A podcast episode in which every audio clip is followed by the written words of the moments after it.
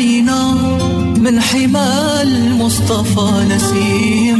فيها الهنا فيها الدواء والشفاء نسيم. هبت علينا من حمى المصطفى نسيم. فيها الهنا فيها الدواء والشفاء. بشمها يصلح الظاهر لنا والخفايا من للنبي على قدم صدق مع أهل الهمام والوفاء هم الرجال الأكابر هم هم الشرفاء هم أهل الأسرار هم أهل النقاء والصفا. يا حادث جع فحالي بالنبي قد صفى الله الله الله الله.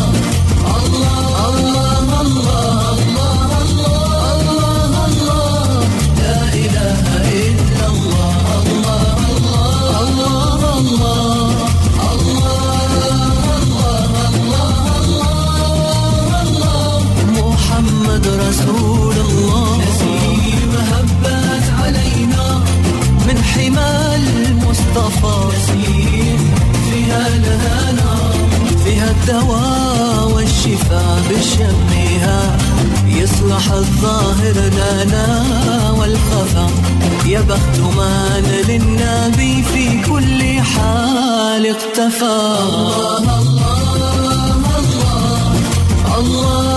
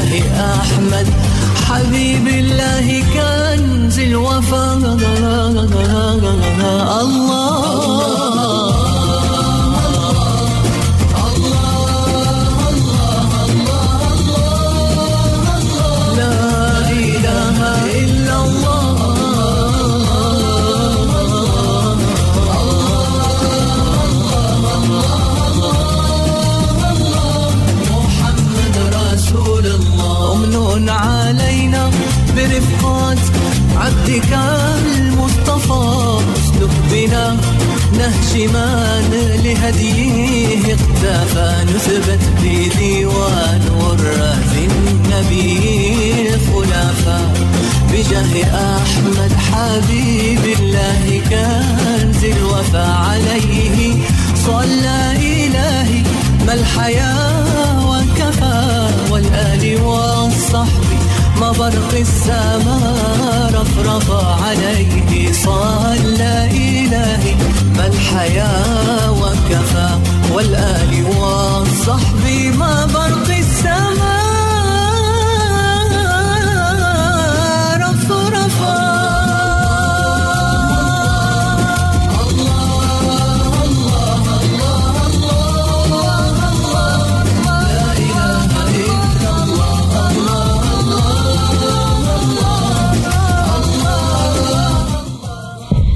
Bismillahirrahmanirrahim Assalamualaikum warahmatullahi wabarakatuh Alhamdulillah Rabbil Alamin Wassalatu wassalamu ala ashrafil amya wal mursalin Sayyidina walana Muhammadin Wa ala alihi wa sahbihi ajma'in Amma ba'du Pemirsa Baja TV dan juga sahabat radioku di mana pun Anda berada Semoga Allah senantiasa memberikan kesehatan kepada kita semua Untuk bekal kita taat kepada Allah Subhanahu Wa Taala Dan bekal kita untuk melakukan berbagai aktivitas baik Yang akan menjadikan kita mulia di hadapan Allah Subhanahu Wa Taala.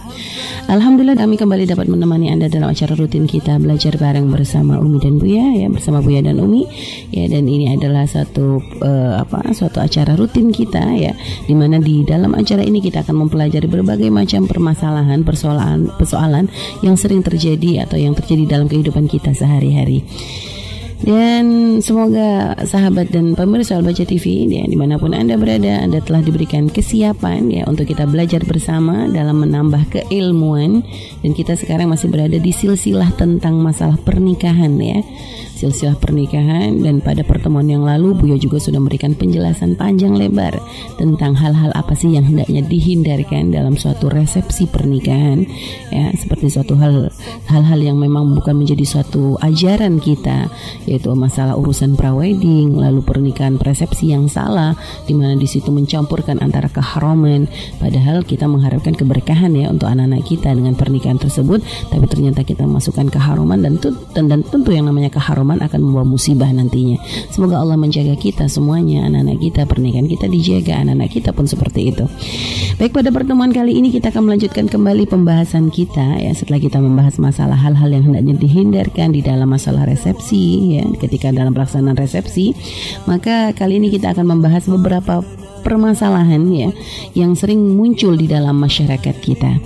Nah, kalau kemarin sudah masalah menikah sudah oke okay, dan sekarang kita akan membahas suatu permasalahan faktor faktor-faktor yang menyebabkan seseorang itu takut untuk menikah gitu ya. Hal-hal yang kadang menjadikan orang itu takut untuk menikah. Dan nanti kami akan berikan kesempatan kepada Anda semua untuk bisa bertanya langsung kepada Buya. Anda bisa bergabung bersama kami melalui via uh, apa? melalui via telepon kami di 085 284700147 atau Anda bisa menggunakan via SMS atau WhatsApp kami di 081321461079. Baik pemirsa Baja TV dan juga sahabat radioku uh, yang dimuliakan Allah Subhanahu wa taala, kita akan sebelum kita mulai acara ini kita akan menyapa Buya yang sudah bersama Umi di studio. Assalamualaikum Bu ya. Waalaikumsalam warahmatullahi wabarakatuh. Gimana kabarnya Bu ya? Baik Bu ya. Alhamdulillah sehat berkat doa para pendengar semua dan juga para pendengar, para pemirsa semoga senantiasa dalam rahmat ridho Allah amin. Subhanahu wa taala. Amin amin amin amin. Baik Bu ya, uh, tadi seperti yang sudah Umi sampaikan di awal ya, kita akan melanjutkan kembali tentang silsilah masalah pernikahan Bu ya. Pertemuan yang lalu ya sudah membahas panjang lebar tentang hal-hal yang harus dihindari ketika kita melaksanakan resepsi atau yang membukakan pintu halal untuk anak kita, maka ada hal-hal juga yang harus dijaga supaya menjadi sebab keberkahan di dalam pernikahan Bu ya. Dan pada pertemuan kita kali ini kita akan membahas fenomena pernikahan yang terjadi di dalam masyarakat Bu ya. Jadi ada beberapa hal yang akan kita bahas dan yang ini pertama yang akan kita bahas di sini adalah masalah eh, hal-hal uh, yang menjadi sebab orang itu takut untuk menikah Bu ya. Baik Bu ya diberikan uh, kami berikan kesempatan kepada Bu ya untuk menjelaskan kepada kita semuanya. Bismillahirrahmanirrahim. Assalamualaikum warahmatullahi wabarakatuh. Waalaikumsalam warahmatullahi wabarakatuh. Alhamdulillah salatu wassalamu ala rasulillah habibina sayyidina Muhammad bin Abdullah wa ala alihi wa sahbihi wa amma ba'd para pendengar di mana pun anda berada para pemirsa di mana pun anda berada Alhamdulillah kita bisa bergabung kembali di acara yang mulia ini. Semoga ini acara yang menjadi sebab atau acara yang diridhoi oleh Allah, acara amin, yang menjadi amin. sebab baginda Nabi ridho dan kita semakin dekat dengan beliau. Amin. Karena kalau urusan pernikahan itu Nabi sudah menyebut maka ini mubahin. Nabi bangga jika ada umatnya yang menikah. Jadi kalau ada umat menikah sebetulnya dia telah masuk di dalam lingkaran sanjungan baginda Nabi atau yang menggembirakan baginda Nabi Shallallahu Alaihi wasallam uh, ada beberapa hal ya yang menjadikan seorang itu ragu-ragu dalam menikah atau takut dalam menikah. Tentunya ini hanya akan kami sampaikan kepada orang yang di dalam dirinya ada keinginan menikah tapi dia takut untuk menikah. ya. Kalau ada orang yang sudah mati keinginan untuk menikah, karena ada orang yang tidak ada ya, tidak ada syah, tidak ada tidak tergoda syahwatnya karena mungkin tenggelam dalam lautan cinta kepada Allah seperti kisah Rabi'ah Adawiyah atau seperti orang yang uh, Imam, Nawawi. Dan seterusnya ini babnya beda Uh, karena mereka biarpun tidak menikah, mereka tidak main dengan syahwatnya. Akan tapi yang kami maksud di sini adalah Anda atau siapa pun yang secara pribadi Anda adalah orang yang diberi oleh Allah syahwat yang yang sering bergolak dan bergolaknya syahwat bukan aib dan bukan celah karena itu sebuah kenormalan hanya cara penyalurannya saja yang perlu di, dibenarkan sebab yang namanya syahwat itu telah Allah. Allah tidak berikan fitrah syahwat kepada seorang hamba kecuali Allah juga berikan sarana untuk menyalurkan syahwat yang sangat terhormat dan disanjung yaitu pernikahan. Nah sekarang bagi siapa pun yang sudah di dalam dirinya ada keinginan untuk menikah ada syahwat yang sudah bangkit tumbuh, sering tumbuh sering bergolak lalu dia menunda pernikahan. Bahkan secara pribadi dia dia dia ada keinginan untuk menikah bukan orang yang tidak keinginan untuk menikah tapi banyak sebab-sebab menjadikan sebab ada hal-hal yang menjadikan sebab tertunda atau tidak berani melangkah atau bahkan takut untuk melangkah ya. Di antaranya ya uh, mungkin selama ini yang sering disebut dengan usia ya. Ada sering disebut dengan istilah usia dini ya. Uh, usia dini, usia belum matang dan seterusnya ya. Dan memang kita dalam melihat sebuah kejadian itu harus dihubungkan dengan kondisi tempat dan juga keadaan orang yang dimaksud, kemudian lingkungan dan seterusnya. Karena kalau kita bicara tentang umur 17 tahun di hari ini, itu sangat berbeda dengan umur 17 tahun 20 tahun yang lalu. Iya. Berbeda sekali.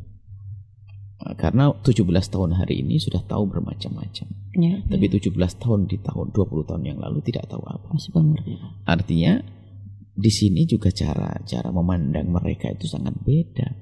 Jadi ibu-ibu yang hidup di yang masa mudanya di tahun du, du, tahun 70-an itu jangan memandang anak-anak yang hidup di zaman sekarang seperti seperti, zaman itu. Nah, karena kalau zaman dulu tuh urusan syahwat sangat aman dan terjaga. Ya, ya. Tidak ada media televisi, internet dan sebagainya. Bahkan uh, mungkin karena belum banyak kita ter tercemari dengan budaya-budaya di luar. Uh, kalaupun seandainya ada orang di antara mereka tidak menutup aurat itu karena mengikuti tradisi kampung masyarakat yeah. dengan kemban dan sebagainya bukan pengen pamer kecantikan, bukan pengen pamer uh, aurat, tapi kalau yeah. hari ini hmm. sudah bermacam-macam orang pamer aurat bahkan yang pakai baju katanya baju muslimah pun juga ingin nampilkan auratnya sangat yeah. berbeda. Anda pun bisa masuk ke kampung-kampung yang masih polos hari ini pun lihat jika ada orang pakai baju yang tidak menutup aurat pun mereka karena kebiasaan di kampungnya bukan ingin pamer kecantikannya atau pamer auratnya. Nah, hmm. pada masa itu sangat berbeda dengan zaman sekarang. Sehingga anak-anak kita di zaman sekarang mau tidak mau mereka harus dipamerin aurat-aurat yang membangkitkan syahwat. Sesaat bahkan mungkin dipamer di spanduk, baleho-baleho bahkan atau mungkin televisi promo-promo di televisi yang tanpa kita kehendaki sekalipun tapi mau tidak mau harus hadir di depan mata anak-anak kita. Belum lagi orang tua yang latah membekali anaknya dengan internet tanpa dikontrol HP tanpa diawasi. Itu semua yang itu semua yang menjadikan sikap kita itu harus sangat berbeda. Khususnya di dalam memberikan solusi tentang syahwatnya tadi. Jadi usia dini, pernikahan usia dini itu ya usia dini adalah yang belum waktunya. Nikah yang belum waktunya adalah orang belum pengen nikah dipaksa untuk menikah itu nikah belum waktunya. Yeah. Akan tapi jika sudah pada waktunya Nabi sendiri menyebutkan ada beberapa hal yang semua buru-buru itu adalah tidak baik kecuali beberapa hal. Di antaranya adalah kalau kita punya seorang anak gadis sudah masuk wilayah haid, masuk haid atau masuk dewasa, maka hendaknya dipercepat untuk dipernikahkan, dinikahkan karena tujuannya adalah demi keselamatan mereka. Nah, ini ini maka nikah dini itu sebetulnya bukan memang mungkin dalam dalam kalau kita kita pandang di negeri ini mungkin akan dianggap ini bertentangan dengan undang-undang negara dan sebagainya. Akan tapi uh, sekarang kita harus lihat dong uh, kalau memang negara ingin melindungi hak-hak anak ya kan iya, dan iya. seterusnya Uh, tentunya yang sangat perlu diperhatikan adalah jangan sampai terjadi perzinaan yang tidak karu-karuan dikena kelas anak SMP dan seterusnya yeah. dan seterusnya itu kan harus ketat di dalam sisi ini. Kadang-kadang anehnya nanti jika ada orang itu uh, urusan syariat itu adalah dilarang tapi keharaman malah di, diobral. Ya. Itu. Jadi begini loh jalan masalah usia pernikahan dini itu adalah nikah yang belum siap, belum waktunya. Itu akan mengantar mengarah kepada kehancuran. Nah, akan tapi jika seorang anak sudah memerlukan yang satu ini, ya kan? Dan sangat mendesak, maka tidak ada solusi lain. Karena ini adalah kebutuhan yang tidak bisa diwakilkan. Tidak bisa diwakilkan kepada siapa pun. Bahkan sangat perlu seorang tua telah memberi, harus memberikan ajang jembar kepada anaknya tentang pilihan-pilihan yang halal. Jadi misalnya begini, anakku, zamannya zaman tidak karuan. Kamu harus jujur tentang urusan syahwatmu. Kalau kamu melampiaskan syahwat dengan cara yang haram, maka ketahuilah. Yang murka bukan saja ayah dan ibumu. Allah dan Rasulnya juga mur murka. Akan tetapi, nak, jika engkau menghendaki yang halal, Abah Samumi membuka pintu seluas-luasnya. Dan itu pun tidak serta-merta anak SD kelas 4 langsung mau nikah, tidak. Yang penting ini yang harus di wawasan atau gambaran semacam ini ke lapangan seorang tua ini atau orang tua ini harus didengar oleh sang anak dan diyakini. Sehingga anak itu di hadapannya adalah jalan halal. Jalan halal artinya kalau memang anak itu sudah mendesak urusan syahwatnya. Sebab hmm. syahwat yang bisa ngira-ngira adalah dirinya sendiri. Kita yang bisa merasakan dirinya sendiri. Kita hanya mengira-ngira saja. Akan tapi yang tahu adalah anak. Tapi setelah anak itu ditanamkan keimanan rasa takut kepada Allah Subhanahu wa taala, kemudian dibuka oleh orang tuanya kesempatan untuk meraih yang halal. Susah melakukan yang haram. Iya, iya. Pintu halal pintu halal sudah ya. dibuka. Biarpun anak itu belum tentu. Hmm. Justru di saat seperti itu malah menjadikan uh, potensi pelanggaran itu semakin berkurang. Karena ya. tahu orang tuanya terbuka. Sehingga kalaupun dia seandainya dia mau menjalin hubungan sebelum nikah, dia akan mikir, mikir jauh. Ini bakal dikena perkenankan oleh orang tua saya. Orang tua saya menghendaki nikah. Jadi malah ini bisa membatasi anak tersebut untuk liar di dalam dia menjalani keremajaannya, masa keremajaannya. Nah, maksud kami orang tua ini harus terbuka yang semacam ini. Biarpun pada akhirnya nanti muncul anak-anak yang tamat SMP, tiba-tiba sudah sampai derajat yang harus di, dinikahkan. Lihat, kalau sudah seorang anak berani ngomong kepada orang tuanya untuk urusan yang halal, ini istimewa. Sebab di saat mereka tidak berani, naudzubillah, imannya kurang, tidak berani ber, terus terang kepada orang tuanya. Sementara pendidikan saat ini sangat kurang. Kemudian pergaulan juga Masya Allah mengerikan. Ya. Belum lagi tontonan yang yang sangat membahayakan. Lihat, di saat dia tidak berterus terang kepada orang tuanya, sahwan berkolak dan sebagainya. Dia punya kawan, punya kawan, punya kawan. Lihat bagaimana pelampiasannya coba. Dengan cara yang haram. Dan ini yang banyak terjadi. Dan orang tua kadang sering egois. Hidup hari ini disamakan dengan hidup tahun 70. Ini problem besar. Dan Masya Allah. Kalau mungkin mungkin Anda yang tidak pernah berurusan dengan konsultasi. Mungkin merasa negeri ini aman-aman, nyaman-nyaman saja. Akan tapi kalau Anda sebagai seorang yang mungkin jadi referensi dalam memberi solusi, atau sering ditanya, Anda akan tahu bahwasanya ternyata kejadian perzinaan di anak-anak usia usia dini ternyata banyak sekali. Ya. Terjadi banyak sekali, bahkan bukan sampai di situ. Derajat kakak adik pun juga terjadi yang pernah kita bahas juga naudzubillah. Jadi zaman ini sudah zaman luar biasa. Sehingga sampai sudah sudah sudah anak-anak SMP itu kadang sudah memberikan video-video yang tidak pantas sudah tukar menukar. Ya, ya. Nah ini hal-hal semacam ini yang harus jadi bahan bagi kita untuk melindungi anak kita. Kita buka pintu halal untuk mereka. Memang Bu ya, kami tidak mengatakan anak kita SMP dinikahkan, bukan. Membuka pintu itu belum tentu ada yang masuk di sana. Akan tetapi, jika suatu ketika ada yang kelas darurat, pintunya sudah kebuka. Itu yang kami maksud. Bukan besok lalu kita upayakan anak menikah ini. Bukan. Kami menghimbau pada orang tua untuk mempermudahnya. Usia dini. Usia dini pun tidak ada masalah. Ya. Usia dini tentunya. Nah, di saat anak kita usia dini menikah, lihat Anak kita misalnya anak-anak yang tamat SMP lah, anggap saja atau masih baru SMA kelas 2, kelas 3, tiba-tiba kok ada keinginan untuk menikah. Nah karena selama ini kita sudah terbuka dengan anak kita. Semangat menikah itu adalah murni karena bergolaknya syahwat. Nah, ini, ini mudah menyelesaikannya. Bukan karena dia apa? Membuka pintu halal dengan jalinan yang sebelum nikah itu. Kalau per, per, permasalahannya murni karena urusan syahwat, lihat. Kita akan mudah menghantarkan dia untuk kita pilihkan orang-orang yang benar dan baik. Karena urusannya adalah murni urusan syahwat.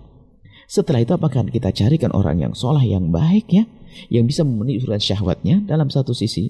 Sisi lain adalah orang itu akan bisa mengayomi anak kita. Coba kalau tidak kita biarkan, akhirnya dia mencari solusi sendiri sampai banyak kejadian anak-anak SMP hamil luar nikah. Mau tidak mau harus dinikahkan dengan kawannya. Ya, Lihat, ya. ini yang mengarah kepada kehancuran. Sama-sama belum siap untuk menik menikah. Akan tapi lihat kan keseimbangan, ya kan? Makanya lihat, baginda Nabi SAW adalah contoh untuk semuanya. Di masa muda baginda Nabi, Allah memberikan jodoh adalah seorang istri yang lebih tua. Makna sini adalah makna melengkapi. Tapi di masa sepuhnya baginda Nabi SAW. Nabi diberi oleh Allah istri yang sangat muda. Ini adalah keseimbangan. Artinya apa? Ya. Di sini ada ada ada dalam hidup rumah tangga itu memang saling melengkapi. Kalau memang anak kita misalnya anak usia dini kan, anak usia dini yang yang yang dia ternyata masya Allah kita mungkin menemukan naudzubillah ya semoga anak kita dijaga. Amin. Menemukan di laptopnya gambarnya tidak baik. Sudah senang menikmati film-film kotor dan sebagainya. Atau mungkin sering mencari kesenangan pribadi, kesenangan sendiri di tempat-tempat yang tersembunyi dan sebagainya. Nah ini kalau dibiarkan kan mengarah kepada perzinahan. ya, Atau mungkin kita sudah melihat SMS dengan kawan laki-lakinya dan sebagainya.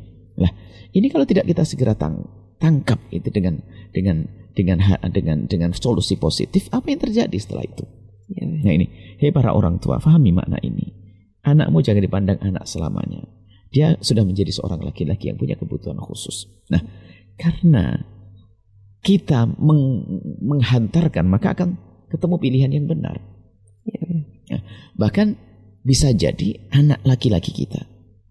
Kalau anak laki-laki kita ternyata sudah mendesak, karena sampai suatu ketika ada seorang anak yang yang dia diuji dengan dengan syahwat yang bergolak, sampai mohon maaf dia mengadu dan dia tidak bisa meninggalkan yang namanya urusan cari kesenangan sendiri, onani misalnya. Sampai suatu ketika kalau sudah ketemu perempuan itu memang nama itu kan tidak bisa di tidak bisa ditahan. Ya? Memang hmm. begitu keadaannya. Jadi selalu dia begitu. Hayalnya tuh tinggi sekali. Memang ada kesalahan waktu itu mungkin dia pernah menonton hal-hal yang tidak pantas untuk dilihat. Akan tapi ternyata solusinya adalah dinikahkan dan setelah nikah. Nikah beres. Setelah dinikahkan ternyata tentram. Hmm. Bahkan kalau kita melihat seorang alim besar Syekh Mula Ramadan Al uh, Muhammad Said Ramadan Al-Buti itu punya ayahanda ternyata tidak ragu-ragu menikahkan Syekh Muhammad Said Rahman Al-Buti di usia sangat dini. Dengan seorang wanita yang lebih tua 4 tahun, yang justru wanita itu yang akan mendampingi sehingga menjadi kesempurnaan menjadi seorang putih yang besar itu. Jadi ternyata yang perlu kita hadirkan kecerdasan kita ini loh. Di dalam menangkap permasalahan untuk memberikan solusi tentang permasalahan tersebut. Ya. Nah ini, cuman kadang-kadang kita ini uh, di dalam menikah itu hanya model ikut-ikutan ya. Tidak menikah pun ikut-ikutan ya. Akan tapi ayo kita berpikir konsultasi kepada orang-orang bijak yang mengerti.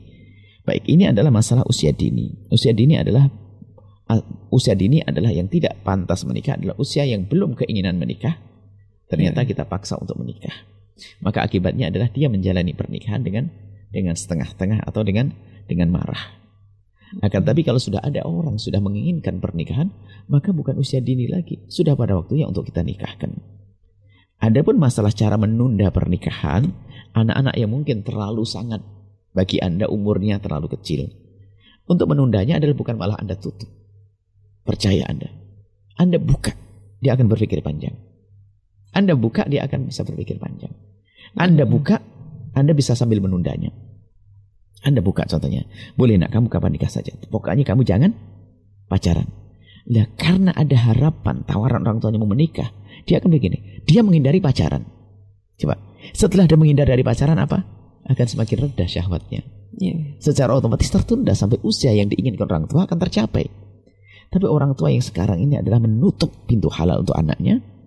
Akhirnya anaknya mencari kepuasan dengan cara yang haram.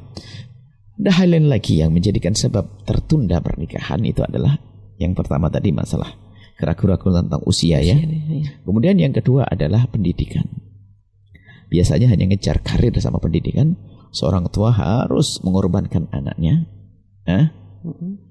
mengorbankan anaknya. Anak jadi korban egois, ego, ego orang tuanya, sehingga anak pun harus menunda pernikahan karena keinginan orang tua tentang pendidikan anak dan karir sang anak. Sehingga apa yang terjadi? Anak punya anak adalah punya dirinya. Anak membawa dirinya. Anak membawa syahwatnya, anak membawa kepribadiannya, anak membawa kebiasaannya, anak membawa lingkungannya, anak membawa pikirannya, anak membawa pengaruh-pengaruh yang masuk dalam dirinya yang tidak pernah dipantau dan diketahui oleh orang tuanya. Apa yang terjadi saat itu? Mungkin seorang anak tidak lagi mengadu kepada orang tuanya untuk mencari yang halal karena orang tuanya memang keras kepala. Mungkin dia berkata, kalau kamu belum selesai kuliah, kamu tidak boleh nikah. Ya. Dan itu pun diungkapkan dengan harga mati yang tidak bisa ditawar. Seorang anak pun akan percuma, akan berkata, percuma aku akan ngomong kepada orang tuaku. Sehingga apa? Dia tidak pernah mau melirik pintu halal itu. Tidak akan mau melirik pintu halal. Biarpun ketemu bidadari secantik apa pun, sesoleha apa pun, tetap tidak boleh kok sama orang tuanya. Ngapain saya harus melirik pintu yang halal? Apa yang terjadi saat itu? Pintu halal yang akan dilirik. Itu haram. Pintu haram yang akan dilirik. Pelampiasan syahwat dengan cara yang haram. Nah, di dalam urusan pendidikan, ketahuilah, kami ingin membangun keyakinan kepada siapa pun. Pendidikan adalah perjalanan hidup yang harus di, dijalani. Pernikahan adalah perjalanan hidup yang harus di, dijalani. Dan dua-duanya adalah tidak tidak akan mempengaruhi. Artinya, Ada makan, ada minum. Ya enggak? Ada tidur. Semuanya ada yang harus kita jalani. Ya, nanti semua bisa diatur dengan rapi. Tidak harus kita waktu tidur makan kok. Makan sambil tidur juga nggak bisa kok. Kalau mau buang air kecil ada waktunya sendiri. Sebetulnya begitulah antara pernikahan dengan pendidikan. Jadi bukan berarti orang itu hidup itu pendidikan toh nggak ada nikah atau nikah toh nggak ada pendidikan. Dari mana itu rumus? Menikah jalankan. Nah, anggap saja ini adalah saya makan saya. Kemudian adalah pendidikan adalah minum saya. Ya kan? Apalagi? Jadi itu sesuatu harus dijalani dan bisa bersama-sama.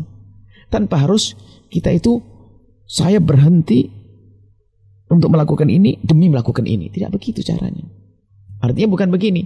Saya tidak akan menikah mau belajar saya. Ya, Sementara keinginan menikah sudah sudah ada. Sudah ada. Kan kita bisa menikah sambil belajar. Bahkan mungkin belajar saya semakin maksimal. Karena apa? Mungkin saya dapat suami yang bisa mengajari saya, membantu saya belajar. Kan enak. Kalau selama ini saya harus ngambil les keluar. Atau mungkin saya mendapatkan seorang istri yang yang punya kelebihan dalam ilmu tertentu, saya tidak usah belajar keluar. Kan bisa lebih enak di sebenarnya. Kan akan tapi keyakinan bahwasanya kalau sudah nikah nanti akan terganggu belajarnya. Lah, kalau masalah menikah akan mengganggu belajar, ini bukan masalah pernikahannya, masalah cara berpikirnya seseorang. Hmm. Masalah cara berpikirnya seseorang. Termasuk masalah ekonomi.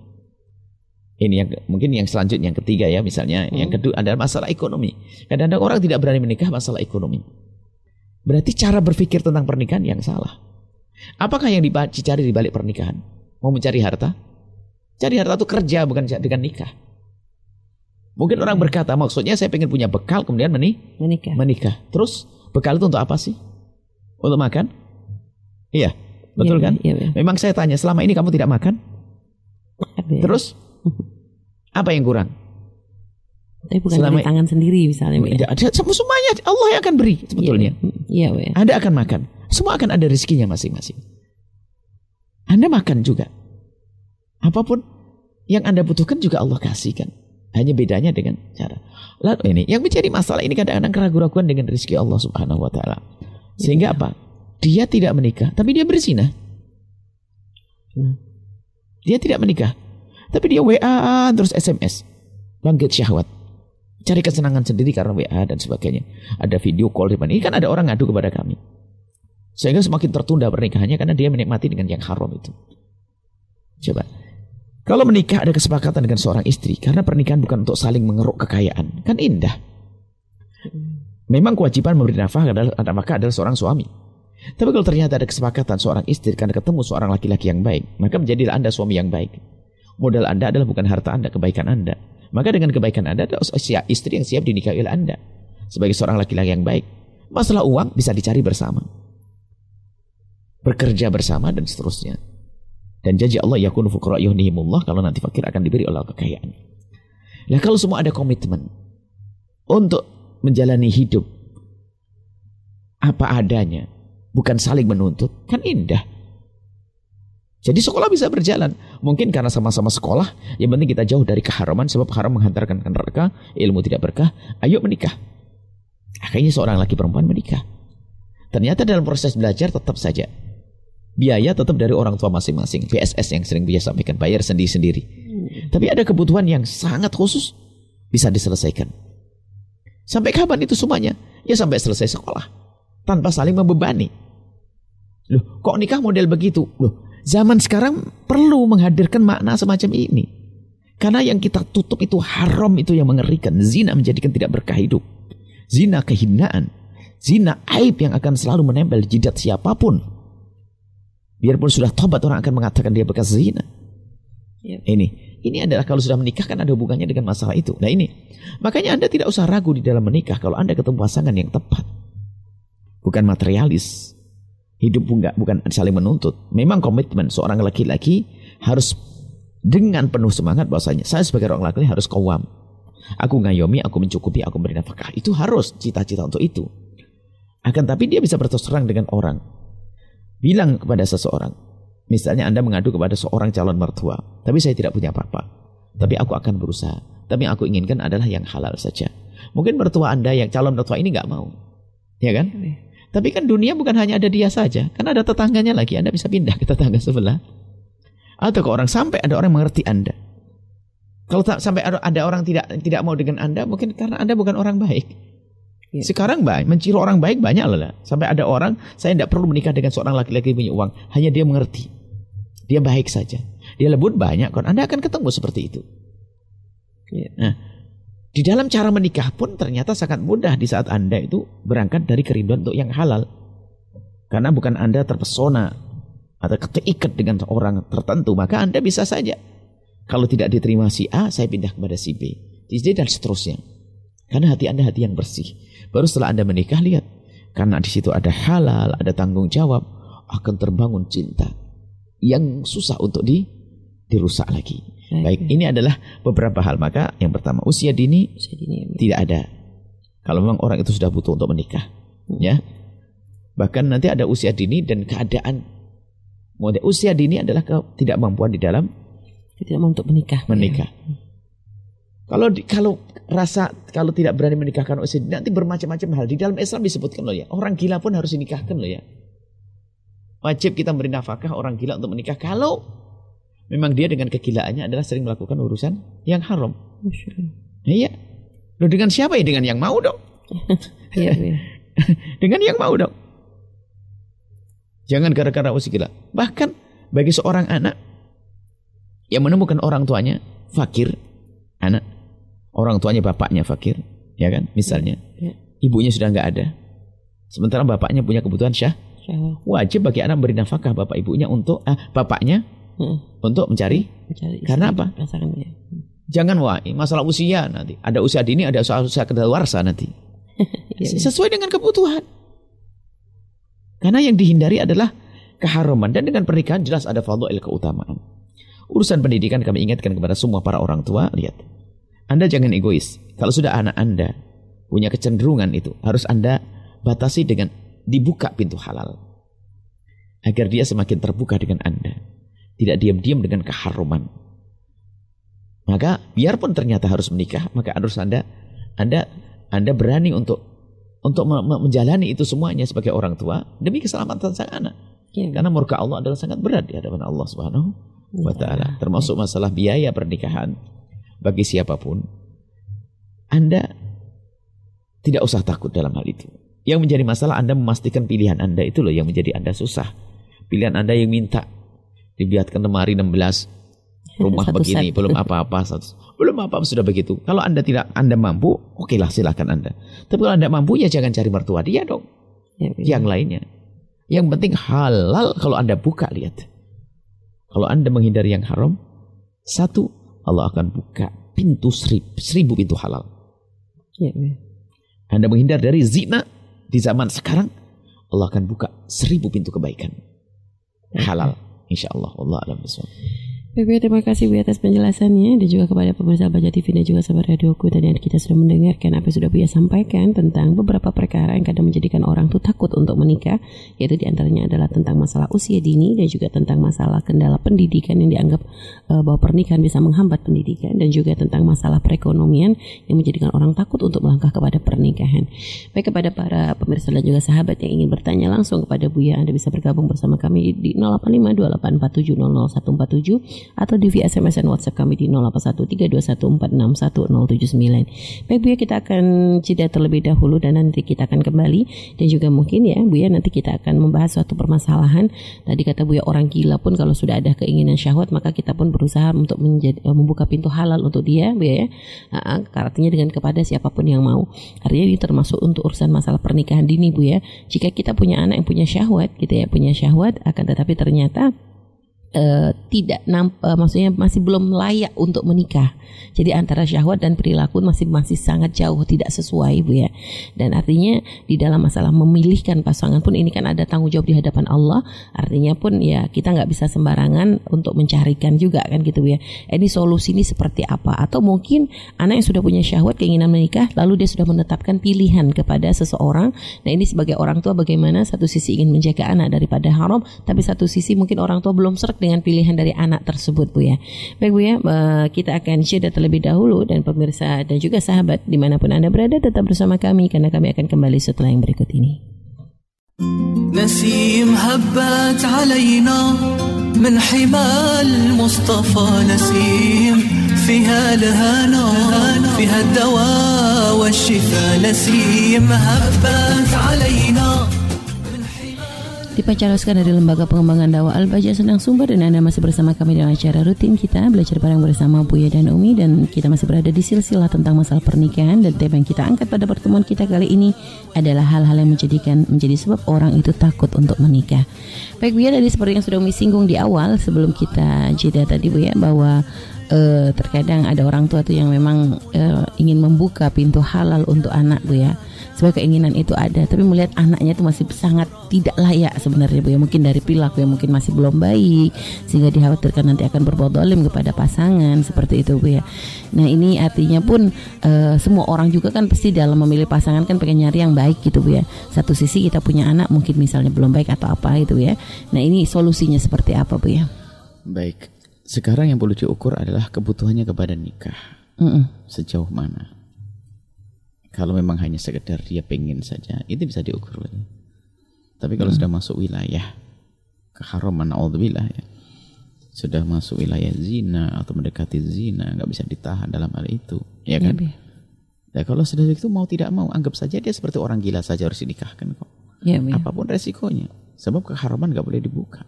Gitu. Dengan siapa? Dengan yang bisa menerima orang gila tersebut atau bisa menerima anak tersebut. Tentunya dalam hal ini kita bukan meng, uh, tentunya uh, sebagai orang tua ya berkorban seperti halnya kita bisa biayai anak kita yang lagi sakit jasad dengan puluhan juta tentunya kita sangat berani membiayai anak kita demi keselamatan hatinya, akhlaknya dengan puluhan juta. Cari orang yang baik, yang soleh, yang bisa nerima dia. Biarpun kita harus keluar uang nggak penting apakah aku sebagai anak laki-laki atau anak perempuan. perempuan. Mungkin anak perempuan kita. Tidak apa-apa. Orang soleh baik.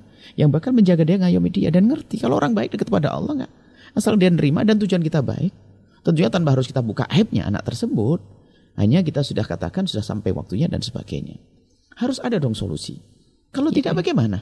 Dan kalau ternyata dia tiba masalah pasangan, mungkin nah. karena memang anak sudah ada hajat lalu dia memilih pasangan nah, yang itulah tidak kesalahan. Pantas. Kalau pasangan anak-anak, kalau pilihan anak-anak itu belum belum seperti belum masih kalau dalam bahasa orang dulu itu adalah cinta monyet. Iya, ya. Kalau kita dia beri harapan yang lainnya dengan gambaran yang lebih gamblang, dia akan bisa mundur. Hmm. Karena dia belum seperti orang anak dewasa yang sudah muncul kesombongannya. Anak kecil tidak ngerti sombong. Hmm. Dia cinta-cinta monyet. Tapi, kalau, kalau sudah mm, anak umur 20, 11 kalau punya pilihan lihat itu kan harga mati ibunya dilawan itu. Iya, Tapi kalau anak kecil enggak, dia pisah. Itu kan anak SMP muncul gitu kan. Mm, dia lepas selesai reon apa uh, wisuda lupa sudah. Anak-anak seperti itu. Artinya kalau anak seperti anak kecil ya, anak yang belum secara umur masih sangat dini, secara umur ya, mm-hmm. bukan kelayaannya. Kemudian dia kalau sudah punya ini, punya keinginan Pilihan. atau sudah gandeng-gandeng dan sebagainya, sepertinya kita beri harapan yang baru lagi, ya kan? Sayang, seolah-olah orang tua yang tidak tahu. Saya ingin kamu nih kan ada. Mungkin kita melihat orang laki-laki Iya, iya. yang seperti itu dan sebagainya. Cintanya belum cinta yang sampai punya harapan banyak. Dia hanya senang lagi namanya garis apa fitrah naluri seorang laki-laki yang kecenderung pada perempuan. Itu saja sebetulnya. Iya. Maka segera ditangkap dengan dibuka pintu halal. Biarpun pada akhirnya dia belum tentu sampai ke halal ya tadi, tapi dia sudah ringan di sini. Tapi kalau di sini tutup, konsen ke sana terus. Itu loh maksud kami itu. Iya, Bu. ya. Anggap sekarang pahit-pahitnya Bu ya. Iya. Jika ternyata memang untuk masalah pilihan ini tidak bisa ditawar. Misalnya Bu ya. Ibaratnya mau nikah ya cuma sama itu aja misalnya Bu ya. Sedangkan kita menganggap pasangannya itu gitu. Artinya Bermasalah sangat tidak layak. sholat, tidak ini. Iya, Oh, iya, enggak. gitu, Bu ya. Enggak, Apakah tetap kita diperkenankan tidak, untuk menikah tidak. yang penting itu, tidak itu- zina? itu- kalau itu bukan kebutuhan untuk menikah. Ini sudah bukan kebutuhan untuk urusan menyelesaikan syahwatnya tadi. Itu sudah ada hawa nafsu di dalamnya. Pemangkasan hawa nafsu nanti. Ini beda loh ya. Yang kita maksud adalah kalau itu sudah sebetulnya dia menjadikan terpicu untuk untuk menikah karena dia sudah punya ikatan. Bu ya. Karena dia sudah punya ikatan. Makanya kenapa kami sampaikan tadi. Coba para orang tua segera ditawarkan ke anak tentang pintu halal. Agar ikatan itu tidak semakin Kuat. kuat. Itu yang kami maksud. Kalau tidak dikasih, kalau sudah dikasih gambaran dan gambaran cara memberikan gambaran datang ke, ke lapangan hati. Abahnya datang, ibunya datang. Masya Allah sayang. Tanpa seolah-olah tanpa menghakimi dia. Sayang, sudah umur berapa kamu sayang? Sekarang sudah mulai berpikir tentang memilih pasangan ya. Pokoknya gini konsepnya. Abah keluarga semuanya sudah sepakat. Kalau kamu menuju pintu halal dengan pilihan yang betul baik dan diridhoi Allah, akan bangga abah saya biayai sebesar-besarnya. Padahal dia tahu anaknya sudah mulai mengarah ke, sana. Iya, Bu ya. Tanpa harus dihakimi seperti itu, mungkin kita bikin surat yang indah kepada anak dan sebagainya. Di dalam perjalanan mikir, alangkah indahnya omongan abah saya tadi. Lebih indah daripada omongan daripada pac- pacar yang rayu dia. Akhirnya perlahan-perlahan dia bisa renggang. Makanya termasuk nanti ada pendidikan. Bagaimana kita menyikapi anak kita yang sudah terlanjur jatuh cinta. Apakah kita tarik dengan paksa? Oh enggak, berontak dia akan berantem. Lalu bagaimana caranya? Nanti ada pembahasan. Nah, ini ada Ya. pembahasannya Baik, lagi. ya. Baik, Bu, ya, terima kasih Bu atas jawabannya. Selanjutnya kita akan mulai menjawab beberapa pertanyaan yang sudah masuk ya. Ada pertanyaan dari sahabat Laila Syifa di Tegal ya. Assalamualaikum warahmatullahi wabarakatuh. warahmatullahi wabarakatuh. Bu ya gimana kalau ada suami yang kalah sama istri, istri berbuat salah, suami diam aja. Jangankan mendidik, kalau istri lagi marah-marah banting-banting pintu, suami kok diam aja seakan dia takut sama istrinya. Ini bagaimana Bu ya? Apakah suami nanti akan diminta pertanggungjawaban atau tidak Bu ya? Terima Baik, kasih. yang akan dimintai pertanggungjawaban nanti dan akan dihukum oleh Allah adalah suami yang membiarkan istrinya melakukan keharaman. Tapi diamnya seorang suami itu bukan berarti dia kalah. Mungkin itu adalah siasat. Kalau istri lagi marah, mau dikasih marah, kebakar itu rumah nanti. Ya, ya. Jadi jangan dianggap seorang laki-laki di saat suami istrinya marah-marah kemudian diam itu kemudian dia seorang laki-laki yang kalah. Dia ngerti sifat istrinya. Wong dalam keadaan normal saja bisa tam, naik pitam apalagi di saat lagi mah marah. Nah, ini seperti itu. Jadi eh, yang akan dihukum adalah suami yang tidak berusaha untuk menyelesaikan tidak berusaha untuk menghentikan keharaman yang dilakukan oleh sang istri. Ya, Bu. ya. Karena kullukum ra'in wa kullukum mas'ulun ra'iyati. Adapun diamnya seorang suami di saat istrinya melakukan keharaman itu bukan berarti mutlak diam loh ya. Mungkin dia cari kesempatan, bukankah pernah kami sampaikan untuk menyelesaikan permasalahan atau membenarkan sebuah kesalahan, maka lakukan dua hal. Yang pertama adalah kebenaran tidak harus diucapkan saat, Saat itu. itu, ya, Kita ya. perlu nyari tempo yang tepat, waktu yang tepat. Kemudian yang kedua adalah kebenaran tidak harus diucapkan oleh lidah kita sendiri. Karena kadang kalau kita yang mengucapkan ditolak langsung oleh dia. Mungkin dengan surat cinta yang indah atau mungkin dengan orang lain dan seterusnya. Jadi perlu siasat. Yang tidak boleh adalah membiarkannya. Membiarkannya. Jadi jangan dikatakan Sayyidina Umar kalah sama istrinya loh ya pas waktu ketika istrinya mengangkat Ya. suara. Oh Sayyidina Umar tidak kalah, cuma Sayyidina ngerti siasatnya. Karena istrinya capek, istri beliau capek, menyusui anak dan sebagainya. Kadang saat-saat seperti itu ada seorang istri yang tiba-tiba marahnya tidak tidak diduga-duga, nggak ada sebab, nggak ada apa tiba-tiba marah. Ya, seorang suami yang bijak ya akan diam sejenak. Setelah itu apa? Mungkin di saat sudah reda baru berbicara baik-baik seperti itu. Ya, ya. Baik Buya ya, sahabat Syifa di Tegal semoga puas dengan jawaban dari Buya ya dan semoga menjadi manfaat ya sebagai seorang suami artinya tetap bijak di dalam mengingatkan istri dan seorang istri ya jangan bersikap seperti itu tadi ya. Baik Buya selanjutnya ini ada pertanyaan dari sahabat Haifa di Bandung Buya. Assalamualaikum warahmatullahi wabarakatuh. Allahumma sholli ala sayyidina Muhammad wa sahbihi Buya. Alhamdulillah saya istiqomah bernikah dan sudah menikah Buya namun belum melakukan walimah. Rencananya orang tua nanti melakukan walimah Syawal nanti Buya. Namun saat walimah keluarga meminta saya untuk membuka nikop saya. Saya benar-benar nggak mau bu ya, apalagi di situ nanti kita dipajang dan foto kita di uh, dan difoto-foto secara bebas. Apakah saya berdosa bu ya kalau nggak ngikutin orang tua? Bahkan suami saya menolak melakukan walimah kalau saya harus membuka nikop bu ya. Baik, uh, semuanya harus dengan cara yang indah, ya. indah dan baik. Kita tidak boleh melakukan sebuah kebaikan tapi meninggalkan kesan yang tidak baik. Nah, mumpung masih ada waktu, ada satu bulan dua bulan ini. Duduklah anda yang manis dengan ibunda dan ayahanda anda. Ya kan? Untuk menjelaskan tentang keinginan anda. Nah, karena jangan sampai tiba-tiba anda membuat protes nanti di saat sudah pada waktunya. Kekecewaan akan semakin dalam. Misalnya tak taunya apa organ tunggal sudah diundang kemudian model cara pernikahan sudah di direncanakan dengan matang, Anda mau protes, alasannya haram dosa, bikin sakit hati. Ya, ya. Eh, memang kita perlu siasat sekarang masih jauh-jauh hari dan namanya dakwah harus halus tapi harus sampai kepada tujuan. Ya, Targetnya harus ada dong gitu. Artinya mulai hari ini Anda sudah mulai berbincang sering dengan ibunda dengan yang lembut. Tidak perlu menyombongkan tentang nikop Anda. Akan tapi katakan nikop ini adalah kerinduan saya untuk menjadi anak yang baik Gitu saja. Bukan mengatakan aku sudah baik, itu beda loh ya. Itu kalimat-kalimat harus ditata Anda bicara yang baik dengan orang tua. Anda fahamkan kepada orang tua. Nah kalau sudah pada waktunya nanti, kalau ternyata orang tua Anda tidak mau kecuali dengan cara yang mereka inginkan, maka perlu Anda tawar-menawar. Misalnya, Anda boleh buka nikop. Ya, ya. Karena ini ada khilaf di antara para imah. Cuman Anda harus punya syarat saling memberi ada ada ada artinya saling ada mendekat membuat pendekatan ya. Ya, ya. Anda mengizinkan bolehlah kalau saya harus buka nikah Masuk khilafnya para ulama, tapi mohon kameranya harus terbatas. Yang jelas harus terpisah. Tidak ada organ tunggal. Nah, ini. Nah, itu kan menarik cantik iya, sekali. Ya, cantik sekali. Nah, dan ketahuilah Anda yakin bahwasanya itu bukan dosa kok Anda kalau melakukan dengan cara yang terhormat kok. Ya, ya. Kan masalah nikob memang dikatakan jumhur ulama mengatakan wajib kan. Akan tapi sebagian lagi mengatakan sunnah kan begitu. Ya, ya. Artinya demi menghargai perasaan orang tua selagi itu tidak haram mutlak, tidak haram mutlak, maka Anda boleh boleh nurut turun turun, gitu ya, turun turun turun harga turun apa?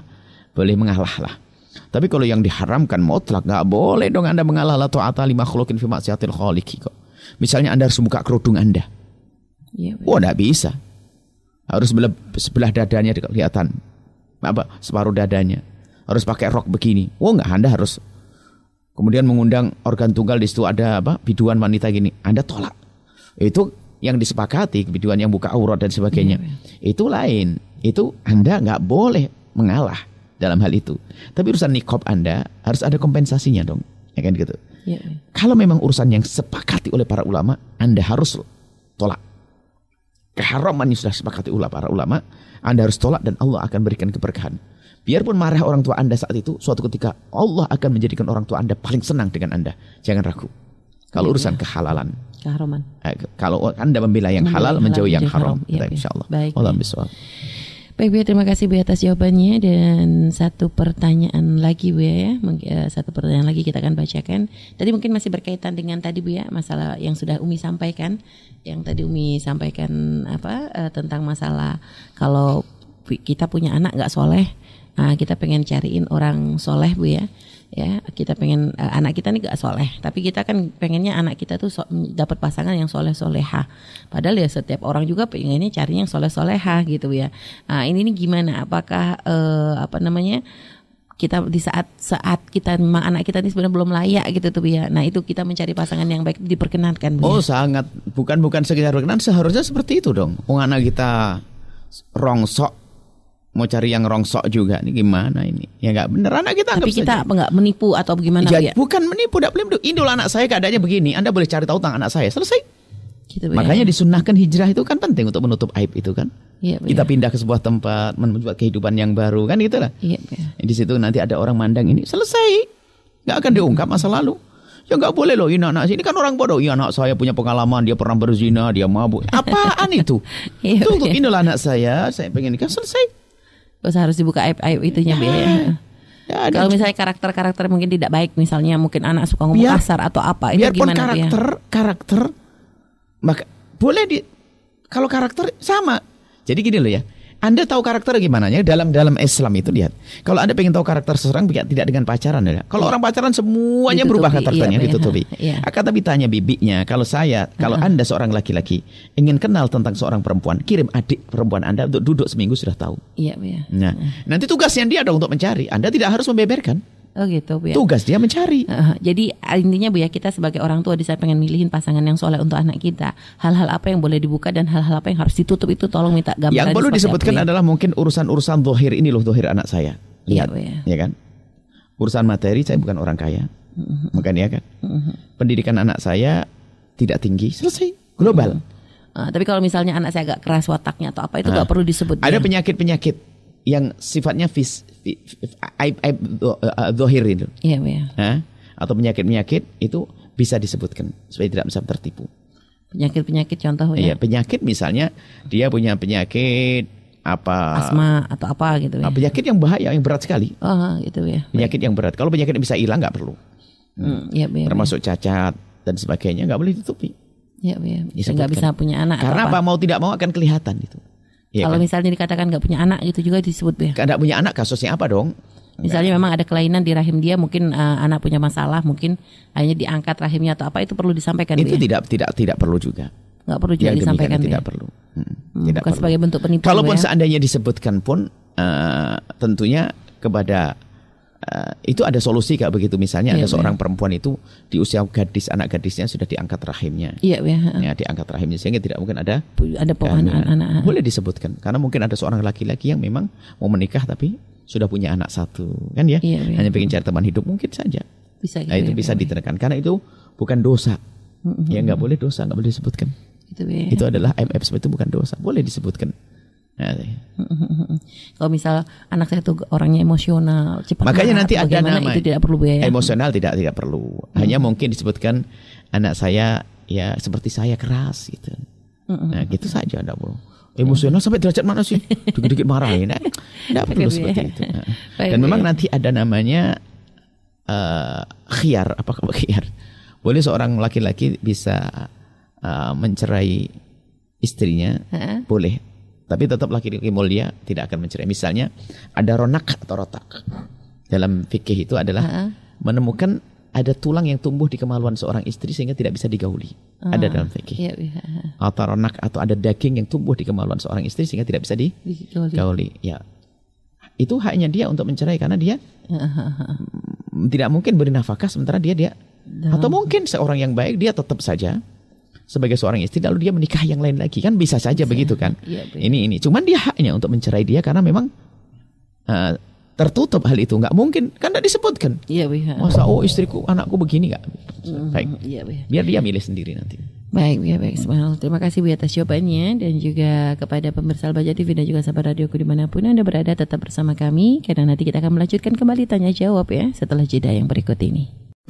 نسيم هبت علينا من حمى المصطفى نسيم فيها الهنا فيها الدواء والشفاء نسيم. هبت علينا من حمى المصطفى نسيم فيها الهنا فيها الدواء والشفاء. بشمها يصلح الظاهر لنا والخفايا مختوما للنبي في كل حال اختفى على قدم صدق مع أهل الهمام والوفاء.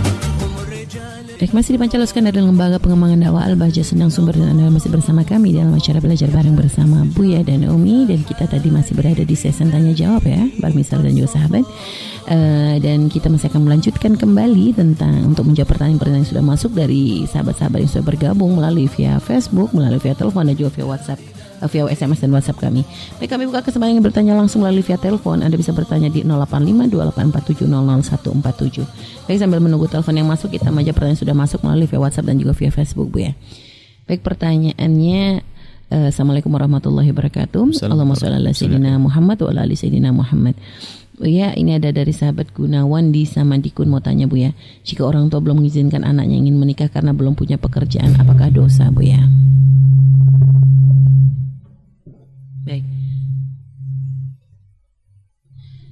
Baik Bu ya, uh, kita angkat juga telepon yang sudah masuk ya sebelum menjawab pertanyaan dari sahabat Gunawan. Halo, Assalamualaikum. Waalaikumsalam. Baik, dengan siapa di mana? dengan hamba Allah di Majalengka Umi. Hamba Allah di Majalengka. Kita sholat bersolat terlebih dahulu. Allahumma sholli ala Muhammad wa ala ali Sayyidina Muhammad. Allahumma sholli wa ala ali wa sahbihi. Baik, silakan langsung bertanya kepada Bu ya. Uh, Umi, saya ingin bertanya. Saya baru menikah sekitar tujuh bulan. Dan ketika suami ngajak saya berjamaah atau mengajak ke dapur, saya belakangan sering tidak menuruti mm-hmm. karena ada alasan-alasan nih. Mm-hmm. Nah, sampai suatu saat dia tidak mengajak saya, saya marah. Dia bilang ngapain ngajak-ngajak kamu katanya. Dia biasanya juga gak mau. Lalu dia berkata, saya imam tanpa makmum. Apakah kata-kata tersebut termasuk talak ya? Padahal suami tidak bermaksud sedikit pun untuk mengatakan tersebut. Terima kasih Umi. Baik, baik terima kasih. Ah, baik terima kasih pertanyaan ada pertanyaan biar langsung diberikan jawabannya Bu ya. Baik. Uh, masalah ungkapannya itu tapi ada yang menarik dari Bu ya adalah Anda sendiri bukan masalah masalah perceraiannya. Ya, anda ini mohon ya koreksi diri semuanya.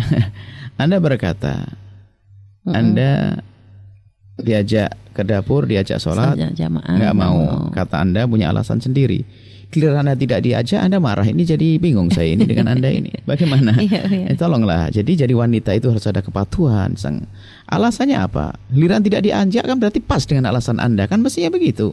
Mm-hmm. Jangan sampai menjalani hidup itu dengan egois, ya. Iya, anda iya. kan sudah sudah tidak diajak, sesuaikan dengan keinginan Anda, alasan Anda di saat tidak mau untuk diajak kan berarti pas. Misalnya saya mau saya tidak diajak pergi ke rumah bibi. Mm-hmm. Kenapa? Saya tidak mau. Alasannya saya sah sakit atau saya ke rumah bibi saya kurang atau ke rumah kurang nyaman gitu. Mm -hmm, yeah. sudah. Kemudian besok hari saya tidak diajak. Kan sudah pas kan? Iya, Mestinya yeah, kan begitu. Enggak usah marah. Kenapa saya tidak diajak? Nah, jadi manusia itu bagaimana kita menjalani hidup itu yang biasa saja. Tidak perlu kita berlebih-lebihan di dalam kita menuntut perhatian seseorang kan. Mm -hmm, yeah, Juga di saat ada orang perhatian ya kita tanggapi dengan respon yang baik seperti itu. Nah, kemudian ini ini mungkin lebih penting dari dari ungkapan Anda. Nah, kami ingin menjadikan rumah saya, kami rindu Anda baik-baik dengan suami. Iya, ya. Banggalah kalau suami mengajak untuk sholat, sholat dan sebagainya. Dan sebenarnya harusnya nggak boleh ada alasan ada yang menahan, alasan ya. apa ya? sih? Uh-uh. Dan alasannya mungkin alasan itu yang tidak tidak tepat. Buktinya Anda di saat tidak diajak Anda marah kok. Iya, Khawatir Anda itu nuruti hawa nafsu. Mohon maaf ini ukti yang saya cintai, saya nggak nyampaikan ini karena bahasa cinta di atas mimbar yang mulia karena mungkin banyak orang seperti Anda itu. Baik. Ya, Kemudian masalah cerai, aku tidak oh tidak tidak masuk uh, tidak tidak masuk cerai akan tapi uh, kinayah bisa masuk kinayah bisa tinggal ditanya kamu niat mencerai atau tidak. Katanya ada niat. Kalau tidak ada niat ya sudah nggak ada cerai. Dan mungkin ini malah bentuk kekecewaan bu ya, ya di saat ah, mengatakan imam nggak punya makmum. Artinya mungkin begini, asa itu nggak ada artinya, ngajak baik pun tidak bisa baik kan gitu ya. ya. ya. Nah, jadi mohon anda saja yang perlu koreksi, semoga anda menjadi lebih baik. Amin, mungkin amin. ada wanita yang seperti anda yang mendengar suara ini tidak perlu kita banyak. Uh, kalau seandainya diajak, kayak gini loh ya, diajak suami itu punya hak yang amat tinggi ya kepatuhan seorang istri itu kepada seorang suami itu yeah. melebihi dari seorang anak kepada ibunda dan ayahandanya. Kalau seandainya hal yang mubah saja diperintah oleh suami harus ikut kok. Mm, kalau mubah Tiba-tiba ya. suami Anda menginginkan Anda ngangkat tangan, Anda harus angkat tangan Anda kok. Apa Gitu tapi, ya. apa tapi, apa tapi ini diajak untuk kebaikan ya. Semoga bisa berbenah Nah, dan diri juga Buya semua. pernah ngingetin juga ya kalau lagi ibadah sendiri aja seorang istri malah harus ninggalin kok kalau Oh, ibadah sunnah demi demi kebaik untuk demi menyenangkan sang suami. Apalagi Panggil ini malah diajak ibadah Bu ya. Ah, ah, baik. Jadi eh, Anda lebih fokus pada urusan perceraian, Anda lupa tentang masalah Anda yang berat itu. Iya, Bu. Baik, masalah. Baik Bu ya, baik kepada hamba Allah di Majalengka tadi jadi nggak masuk cerai apalagi tadi suami mengatakan nggak ada maksud ya hanya mungkin tadi ingat seperti pesan Buya yaitu perbaiki hubungan antara suami istri agar hubungan menjadi lebih indah lagi. Baik Bu ya, selanjutnya ada pertanyaan dari tadi sahabat Gunawan di Samadikun Bu ya. Heeh. Silakan Bu ya tadi masalah tadi? orang tua nggak ngizinin anak nikah karena belum punya pekerjaan Bu ya apakah dosa? Baik, ya gini loh ya. Eh, bagi seorang anak yang menginginkan pernikahan sementara dia belum punya modal, lalu orang tua melarang itu bukan karena dia tidak sayang sama anak. Dikhawatirkan anak ini nanti ya pada akhirnya menambah kerepotan kepada orang Orang tua. tua. Bayangkan Anda kerjaan nggak punya, bawa istri dibawa ke rumah. Coba ya. kebayang nggak sebagai seorang bapak ibu yang mengerti makna tanggung jawab kewajiban, dia mikir saya beban saya takut berat dan saya tidak mampu nanti tambah dosa. Nah, tugas Anda adalah meyakinkan dong Anda tidak akan merepoti orang tua dalam hal ini. Iya Bu ya. Ini jangan sampai omongan kami betul ditelan mentah-mentah ini pertanyaan yang bagus supaya jangan sampai nanti menikah saja tak taunya Pak bawa istrinya tiba-tiba ke rumahnya tanpa harus persepakatan orang tuanya. Ya, nah ini nggak bener. Wong istri-istri Anda yang repot orang tua. Ini bagaimana ini kisahnya ini? Nah, baik, berarti Anda sekarang kalau memang seperti itu kasusnya meyakinkan kepada orang tua Anda bahwa setelah menikah nanti tidak akan merepoti orang tua. Sebetulnya orang tua bukan takut direpoti, takut tidak sempurna dalam melayani anak. Itu saja kok. Iya, Bu ya. Baik, Bu. Terima kasih Bu atas, atas jawabannya. Selanjutnya pertanyaan eh, terakhir mungkin Bu ya. Kita bisa ada pertanyaan dari via WhatsApp ya dari hamba dari sahabat Hani di Malaysia Bu ya.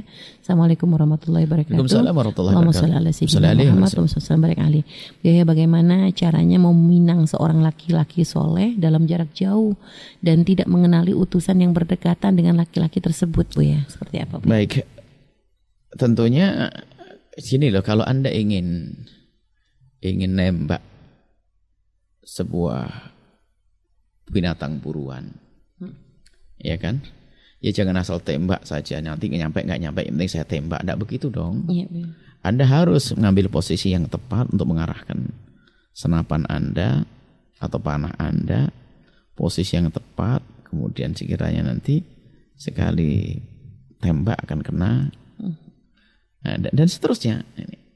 Jadi itulah caranya usaha pun harus berpikir jangan nggak ada orang yang kenal. Tiba-tiba anda mengatakan "Eh, kira-kira kalau kita bisa menikah bagaimana? Ya jauh dari bisa diterima. Biarpun mungkin namanya rezeki nomplok kan bisa saja.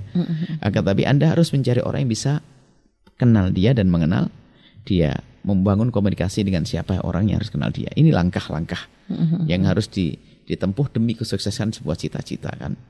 Nah, nanti Anda mencari orang yang dekat dengan dia. Kalau ternyata tidak bisa, pertanyaan kami sangat sangat sangat penting pastinya. Kenapa kok Anda milih dia? Dari mana Anda tahu dia soleh?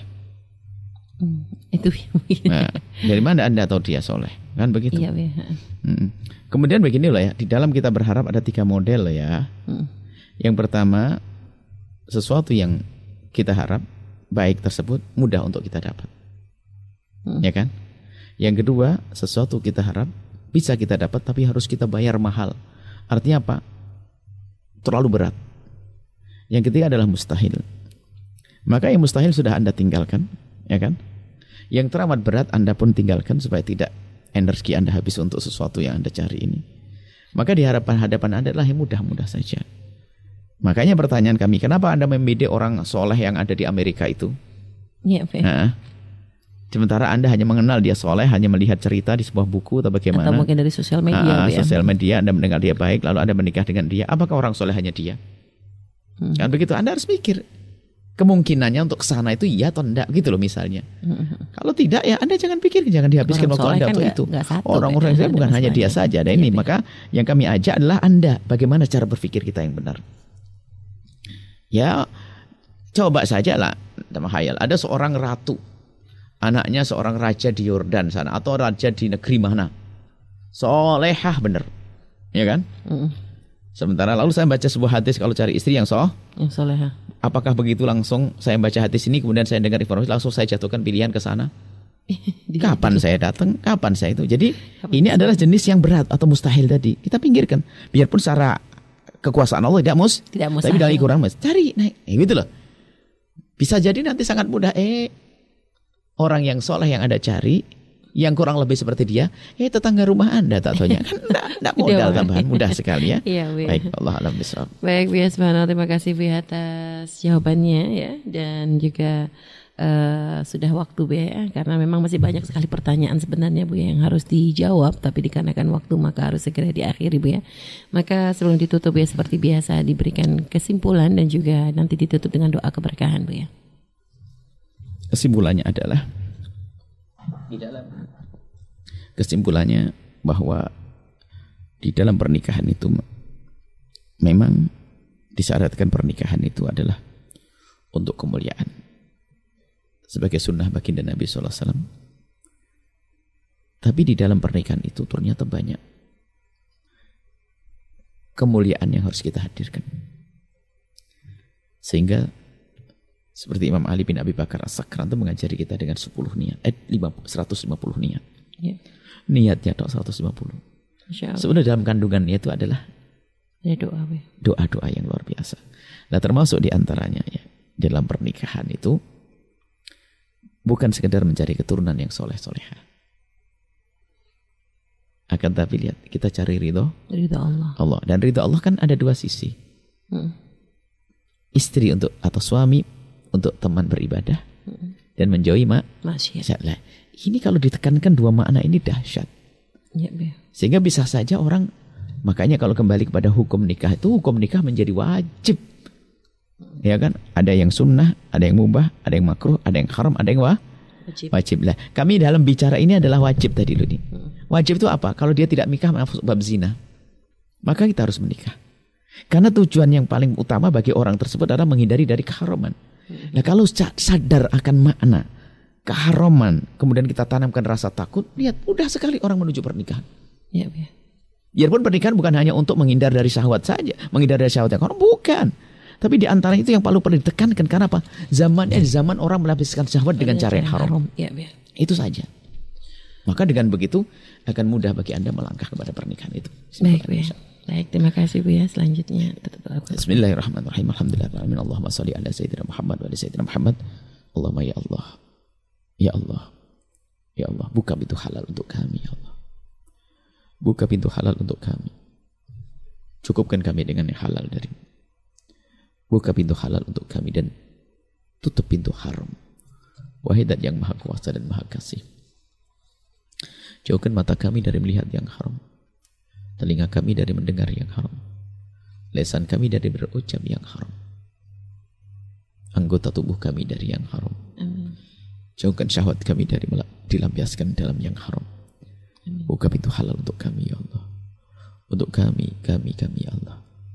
Dan kami mohon ya Allah, muliakan kami di dunia. Muliakan kami di akhirat. Di dunia dengan ketaatan kepadamu. Di dunia dengan menjauhi kemungkaran, ke- keharaman. Di surga, di akhirat, di surga bersama kekasihmu Nabi Muhammad. Ampuni orang tua kami dan guru-guru kami. ya Allah. Berikan kasih sayangmu kepada mereka semua. Dan kami mohon ya Allah. Mudahkan segala urusan para orang tua yang memudahkan urusan pernikahan anak-anak mereka. Amin. Mudahkan bernikah berurusan orang urusan orang tua orang tua yang memudahkan urusan pernikahan anak-anaknya ya Allah. Dan kami mohon yang sempit rezeki lapangkan dengan rezeki yang halal penuh berkah. Amin. Yang sakit sembuhkan. Yang punya hutang mudahkan kami dalam bayar hutang. Hutang kami. Panjangkan umur kami dalam ketaatan serta sehat walafiat. Dan berikan kepada kami semua khusnul khotimah. Husnul khotimah mati dalam keadaan iman, iman. Dan kami mohon ya Allah jadikan ucapan kami di akhir hayat kami kelak. Saat engkau hendak mencabut nyawa kami. Kami ingin saat itu ya Allah. Hati dan lidah kami mampu mengucapkan kalimat agung dan mulia. La ilaha illallah Muhammad Rasulullah. La ilaha illallah Muhammad Rasulullah. La ilaha illallah Muhammad Rasulullah sallallahu alaihi wasallam. Rabbana atina fid dunya hasanah. وفي الآخرة حسنة وقنا عذاب النار. وصلى الله على سيدنا محمد وعلى آله وصحبه وسلم. والحمد لله رب العالمين. الفاتحة. Iya,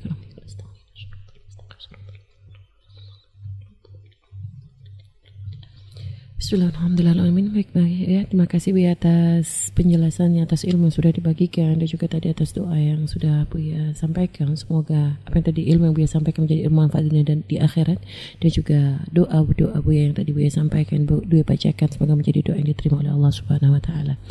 Baik, terima kasih kepada pemirsa dan juga sahabat radioku atas kebersamaan Anda selama satu jam setengah ini. Semoga menjadi kebersamaan yang akan menjadi sebab kebaikan kita di dunia dan di akhirat. Mohon maaf ada segala kesalahan dan mohon doanya selalu. Semoga Allah mempertemukan kita pada pertemuan-pertemuan yang akan datang yang penuh berkah lagi insya Allah. Dan kita tutup dengan doa penutup majelis. Subhanakallahumma bihamdika asyhadu an la ilaha illa anta astaghfiruka wa atubu ilaik. Wassalamualaikum warahmatullahi wabarakatuh.